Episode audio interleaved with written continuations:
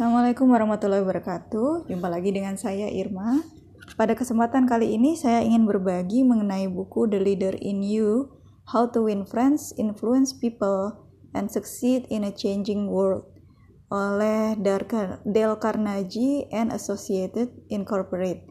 Jadi buku ini sebetulnya sudah lama ingin saya beli, tapi baru akhirnya kesampaian saya beli sekarang jadi isinya adalah bagaimana kita menemukan kepah baru saja dipercaya memimpin uh, satu perusahaan entah itu kecil ataupun besar ya suatu organisasi uh, orang bilang kalau memimpin itu kita harus firm dan mungkin terkesan sebagai bos yang galak ternyata di buku ini menyampaikan sebaliknya. Justru sebagai pemimpin kita itu harus menjadi pemimpin yang humanis ya harus bisa memperhatikan kepentingan anak-anak buah di bawahnya. E, kunci pertama adalah bagaimana kita belajar berkomunikasi. Sebelum semuanya dimulai, yang pertama kita harus memberikan kepercayaan kepada bawahan kita atau juga rekan sekerja untuk bisa menyampaikan pendapatnya dalam lingkungan yang reseptif ya.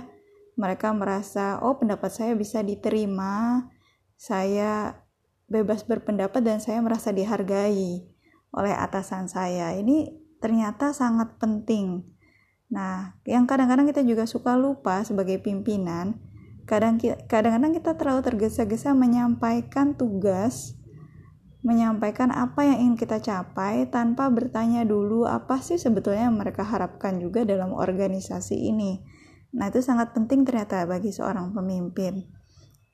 Kemudian ketika kita membina suatu tim, ini sebetulnya bukan tentang kita, eh, kita diri kita sendiri, tapi lebih tentang kita semua ya. Jadi bagaimana kita bisa uh, membuat visi misi dari perusahaan atau organisasi itu tujuan kita bersama. Uh, dan kita bisa sebetulnya memotivasi orang-orang di sekitar kita dengan sekali lagi memberikan kepercayaan kepada orang-orang itu. Uh, cukup tepukan di punggung dan mengatakan, "Wow, that's great," atau uh, "Kamu hebat banget deh, sudah bisa melakukan kegiatan itu sendiri." Itu sebetulnya adalah penghargaan yang sangat ditunggu-tunggu oleh karyawan kita.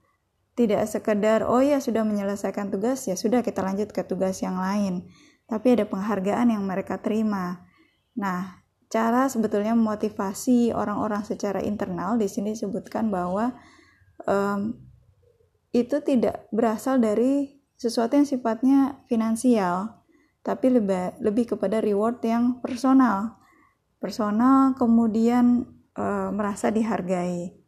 Yang ketiga adalah kita mengekspresikan interest kita secara tulus kepada orang lain. Ini juga yang sering dilupakan oleh pimpinan ya bahwa sebetulnya seperti halnya manusia, kita juga pengen sekali-sekali dihargai. Kita pengen dimengerti juga. Kadang-kadang pimpinan itu suka lupa menanyakan sebetulnya bagaimana sih keluarga bawahannya gitu. kira kira-kira anaknya suka apa ya? Ngobrol mengenai hal-hal yang sifatnya personal dan uh, ya ngobrol secara santai saja yang tidak berkaitan dengan pekerjaan. Jadi kita betul-betul menunjukkan ketertarikan yang tulus terhadap kehidupan bawahan kita.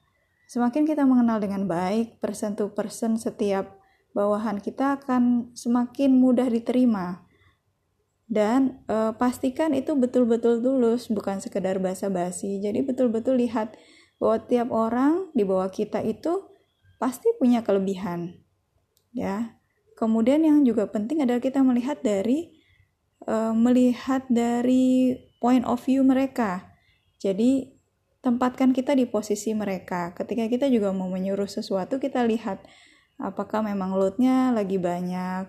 Kalau misalnya saya sebagai kepala sekolah harus sesekali duduk di dalam kelas dan melihat, oh begini ya seharian di dalam kelas, betapa uh, padatnya pekerjaan seorang guru kelas gitu.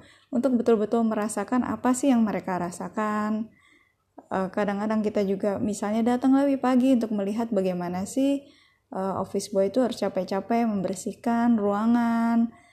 Hal-hal kecil seperti itu tuh melihat uh, melihat dari sudut pandang orang lain akan membuat kita untuk bisa berempati terhadap apa yang mereka lakukan. Jadi melihat dari sudut pandang mereka dulu. Nah uh, ada beberapa tips lain ya. Tapi ini yang paling penting adalah uh, we have to listen first. Listening to learn. Karena manusia punya kecenderungan e, berbicara lebih banyak sebelum mendengarkan. Padahal Allah sudah memberikan kita dua telinga dan satu mulut. Tapi kita lebih sering untuk berbicara dulu sebelum mendengar. Jadi e, pastikan kita mendengar dulu apa sih sebetulnya yang orang-orang inginkan. Apa yang membuat mereka tidak nyaman? Apa yang membuat kita uh, mereka merasa nyaman di lingkungan tersebut? Uh, pun juga kritik terhadap kita sendiri. Meskipun itu kadang mungkin bisa membuat diri kita merasa aduh wah kritikannya pedes banget ya untuk kita. Tapi itu kalau misalnya kita coba dengarkan dan kita amati oh iya ini loh sebetulnya yang mereka rasakan. Kita bisa mencoba memperbaiki keadaan. Karena mendengarkan itu uh, akan membuat kita bisa mereka ulang. Apa apa sih yang seharusnya harus kita sampaikan ke mereka? Gitu memberikan mereka ruang untuk berpendapat dulu bahwa uh, ini yang saya rasakan dan saya ingin mencapai ini. Nah kita sebetulnya lebih berfungsi sebagai coach kita bantu mereka untuk berkembang sesuai dengan kapasitas mereka.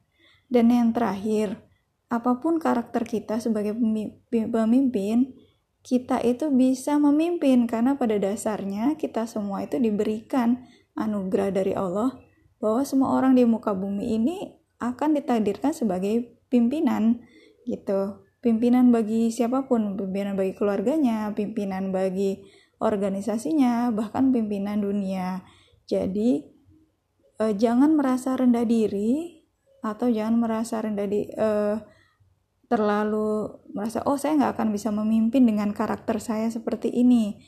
Uh, bahwa kepemimpinan itu adalah ilmu yang bisa dipelajari. Jadi yang paling utama dari kita adalah melihat apa sih kualitas diri kita yang menjadikan kita layak sebagai pemimpin. Jika kita sudah ketemu kembangkan itu dan kekurangannya sambil berjalan kita benahi sehingga kita bisa mencapai uh, atau menjadi pimpinan yang baik. Oke, terima kasih.